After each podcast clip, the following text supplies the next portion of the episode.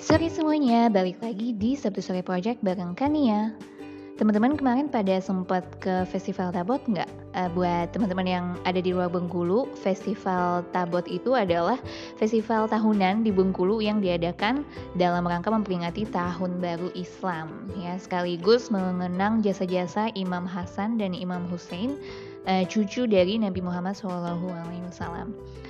Nah, festival ini kayak festival budaya ya, tapi dia juga sebenarnya spiritual juga sih sebenarnya. Jadi di festival ini banyak sanggar yang menampilkan tarian-tarian tradisional yang diiringi dengan alat musik tradisional juga. Salah satunya itu alat musik dol, itu kayak semacam apa ya, kayak gendang atau beduk gitu ya, atau perkusi kali yang tradisional gitu. Dan ini biasanya dimaininnya nggak cuma sendiri, tapi harus rame-rame gitu. Jadi bikin deg-degan gitu. So, ya terus ada juga yang namanya telong-telong dan ada arak-arakan. Kalau telong-telong itu kayak semacam tabot yang di diapain ya, dihias sama lampu-lampu dan bentuknya tuh unik-unik gitu, aneh-aneh. Nah, kayaknya tahun ini tuh ada yang bentuknya SpongeBob gitu, jadi lucu banget sih kemarin. Iya pasti ini kalau udah festival tabot ini pasti rame banget, jadi banyak yang jualan, ada yang datang untuk jualan, ada yang datang untuk melihat seni, ada yang datang ya emang buat have fun aja gitu dan kalau mau lihat macet di Bengkulu ya datangnya pas festival ini festival Tabot dijamin ketemu macet anyway kali ini saya ditemenin nih oleh salah satu pemudi yang aktif dan multi talented banget ya menurut saya uh, di Bengkulu ini. Langsung aja boleh dong kenalin dirimu, dirimu ya, dirimu siapa dan aktif di mana silahkan. Oke, namaku Naura. Aku mahasiswa ilmu komunikasi semester 9 di Universitas Bengkulu. Jadi sekarang aku lagi aktif di sebuah NGO nasional namanya Inovator Nusantara.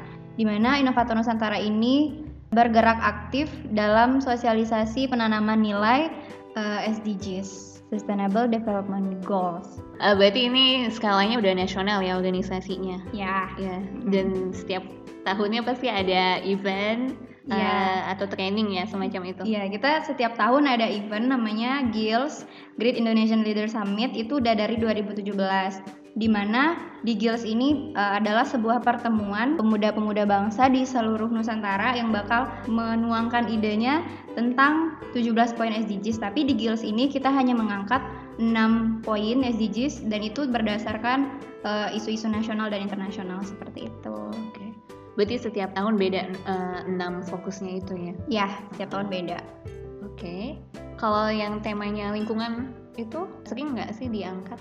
Oh, itu yang tema lingkungan kita dapat uh, kita ngangkatnya di GILS tahun 2017, itu GILS tahun pertama dan antusias para delegates itu luar biasa, banyak banget yang open minded juga orangnya. Terus ya kita juga bisa ngembangin berbagai prakarya mereka dari situ mulai dari esai uh, terus kayak project leader juga oh, pokoknya macam-macam deh hmm. yang pasti udah ada outputnya sih gitu oke okay. uh, eh, jadi gini nih ceritanya teman-teman uh, kemarin ini saya sempat lihat IG story-nya si Naura ini hmm. pas dia lagi di festival Tabot ya dan uh, menurut saya ini menarik dan mungkin Nau bisa ceritain sedikit lah story-nya apaan buat teman-teman yang lain.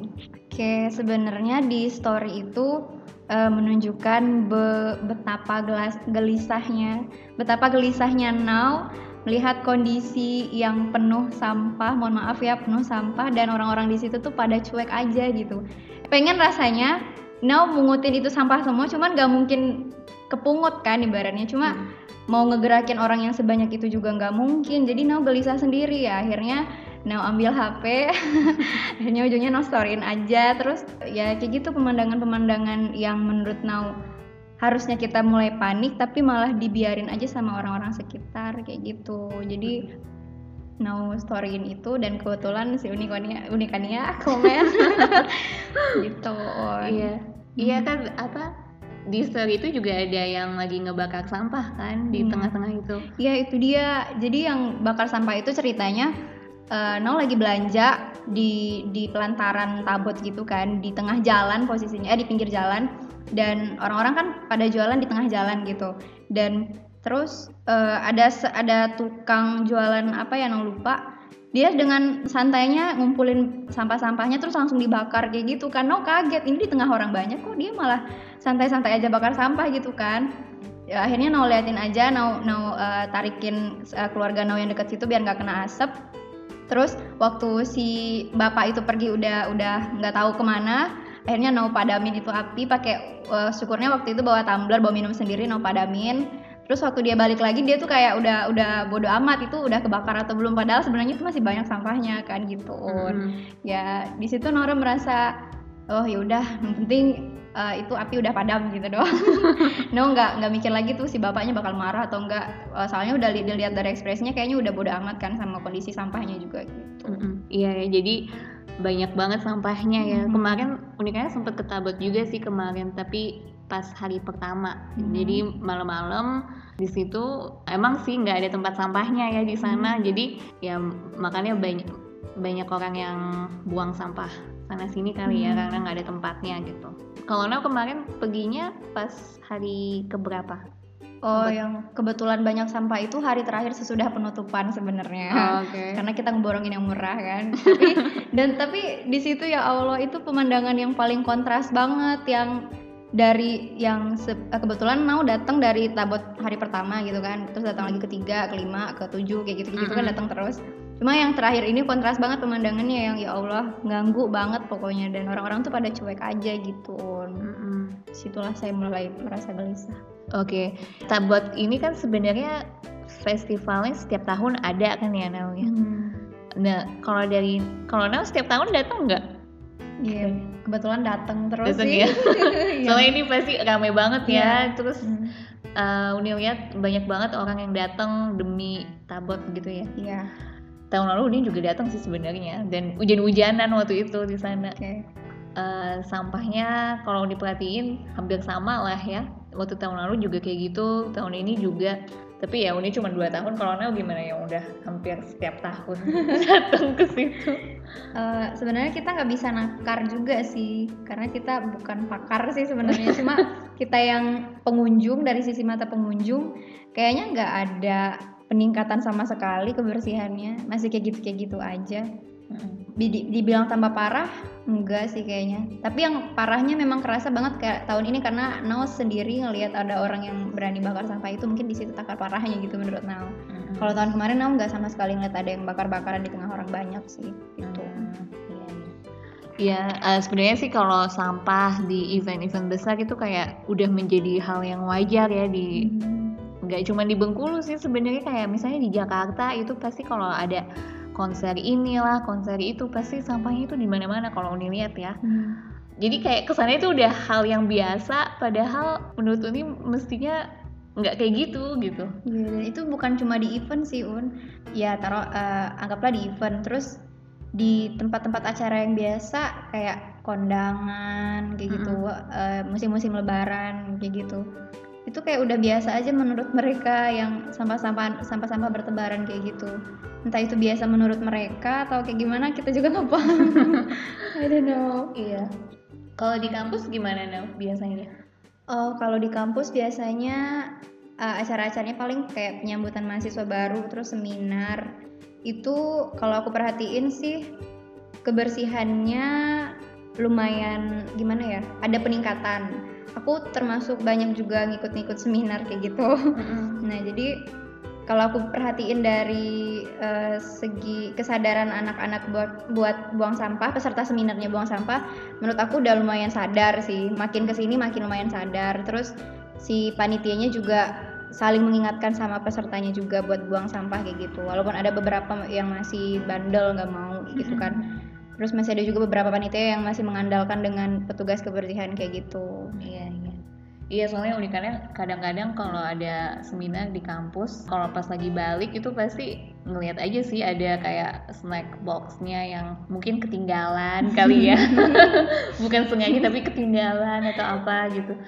Ya sangat menyayangkan aja sih kenapa kita seperti itu gitu. Sekarang gimana nih menurut Nel kita tuh sebaiknya gimana apa sih yang bisa kita lakukan gitu supaya nggak gini terus lah ibaratnya uh, menurut Nau ya sebagai generasi penerus bangsa sebagai, sebagai anak milenial deh yeah. anak milenial yang nggak mungkin lepas dari gadget nggak yeah. mungkin lepas dari gawai uh, kita lebih banyakin campaign dari diri sendiri dan itu perlu banget buat di post gitu. Hmm. Kenapa harus kita post?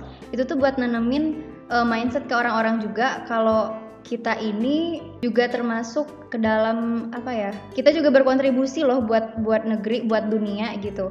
Jadi biar orang-orang tuh ngerasa kalau yang buang sampah pada tempatnya setelah makan itu nggak ngerasa aneh lagi gitu. Jadi makin banyak camping, makin makin sering ngeliat, jadi nggak makin ngerasa aneh lagi gitu. Un. Oh iya ya, jadi itu dari ibaratnya kayak dari individu kita lebih kayak sharing aja supaya bisa yang lain bisa ngikut mungkin ya. Mm-hmm. Kalau misalnya dari segi kelompok atau komunitas itu gimana Nau? Ada ide nggak kira-kira? Uh, aku sih kalau komunitas karena komunitas di di Bengkulu ini banyak kan Un, mm-hmm. jadi nggak mungkin dong mereka nggak uh, gimana ya? bisa dong sekali-kali mereka ngadain acara yang bebas sampah gitu. Atau sekali-kali bisa ngadain challenge bebas sampah di event itu. Entah itu kerja sama-sama dinas kebersihan atau siapa atau NGO yang lain kayak gitu kan. Jadi lebih bermanfaat dan lebih kerasa uh, gotong royongnya ya dampaknya, dampaknya gitu. Iya iya. Iya soalnya uniknya sempet uh, lihat sih beberapa ada upaya-upaya kayak gitu kayak festival bebas sampah atau mungkin yang baru terbaru baru terbaru mungkin yang baru diadain kemarin bulan Agustus kalau nggak salah Greenpeace di Bali mereka justru malah pakai energi bener-bener energi bersih gitu. Jadi listriknya semuanya buat konsernya itu di mereka pakai dari matahari, matahari gitu Oke, okay. keren banget dong. Bengkulu belum ada yang kayak gitu. Iya, maksudnya kita bisa mulai dari hal-hal yang kecil kali ya. Yes. Kayak challenge tadi yang Nau bilang challenge untuk bikin acara yang bebas sampah gitu hmm. menurut itu menarik sih. Tapi belum ada yang mau ngadain itu. Iya mungkin next time kita bikin seminar gitu kan. Okay. terus nggak boleh. Nggak boleh berserakan sampahnya harus dia langsung di iya atau nggak pakai aqua gelas gitu. Harus bawa tumbler dong. Iya. Kan lebih lebih bermanfaat kan ur? Iya sih. Nggak ada sampah sama sekali. Mudah-mudahan. sedia, sediain galon aja gitu kan terus yang lain tinggal isi ulang gitu kan. Iya enak kayak gitu Oke, daripada menghayal ya bikin seminar tanpa sampah atau seminar bebas sampah. Uh, kalau dari Nau sendiri yang inova apa inovator Nusantara tadi ada bakal ada agenda apa nih ke depannya? Iya, pas banget tanggal 21 September ini bakal ada World Clean Up Day. Jadi itu hari bersih sampah sedunia. Nah, rencananya IN bakal ngadain acara yang super keren banget Nah, tungguin aja. Kita nggak bisa bocorin di sini dong. Iya, yeah. bakal ada aksi nyata di hari itu. Iya, itu di In... World Clean Up Day. Oke. Okay. World Clean Up Day ini biasanya sering ya ada acara di Bengkulu. Iya, yeah, every every year sih emang selalu ada dan berbagai komunitas itu beneran berkolaborasi buat bersihin buat bersih-bersih Bengkulu apalagi bersihin sampah di pantai. Oke okay, deh, kita tunggu aja kabarnya dari Naura ya. Thank you udah mau meluangkan waktunya sedikit di Satu Sore Project. Oke, okay, sama-sama. See you nanti. Bye. Oke teman-teman, itu dia cerita dari Naura seputar pengalamannya di Festival Tabot. Uh, Naura juga sharing tentang pentingnya menggunakan gadget atau social media untuk berbagi informasi atau melakukan kampanye kecil-kecilan kali ya tentang hal-hal yang menurut teman-teman itu penting. Kalau dari saya, sayang aja sih festival tabot yang sakral itu diakhiri dengan sampah-sampah yang berserakan gitu.